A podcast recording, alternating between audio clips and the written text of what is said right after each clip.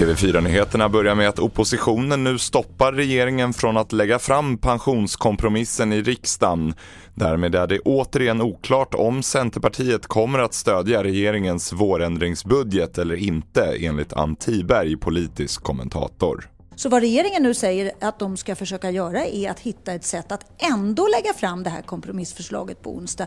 Eh, och då kommer det att ske inne i riksdagens kammare under dagen. Och om de hittar en form från det, för det så kan de ju tillförsäkra sig Centerns stöd. Om de inte gör det så är det fortfarande faktiskt en öppen fråga vad Centern gör. Mer om det här på tv4.se. En kvinna har avlidit efter att ha utsatts för en misstänkt överfallsvåldtäkt på Södermalm i Stockholm. Kvinnan hittades allvarligt skadad utomhus vid en byggarbetsplats i torsdags och avled på sjukhus under helgen. Polisen är förtegen huruvida det finns misstänkta i ärendet och ännu har ingen rubricering satts men enligt polisen kan det handla om ett misstänkt mord.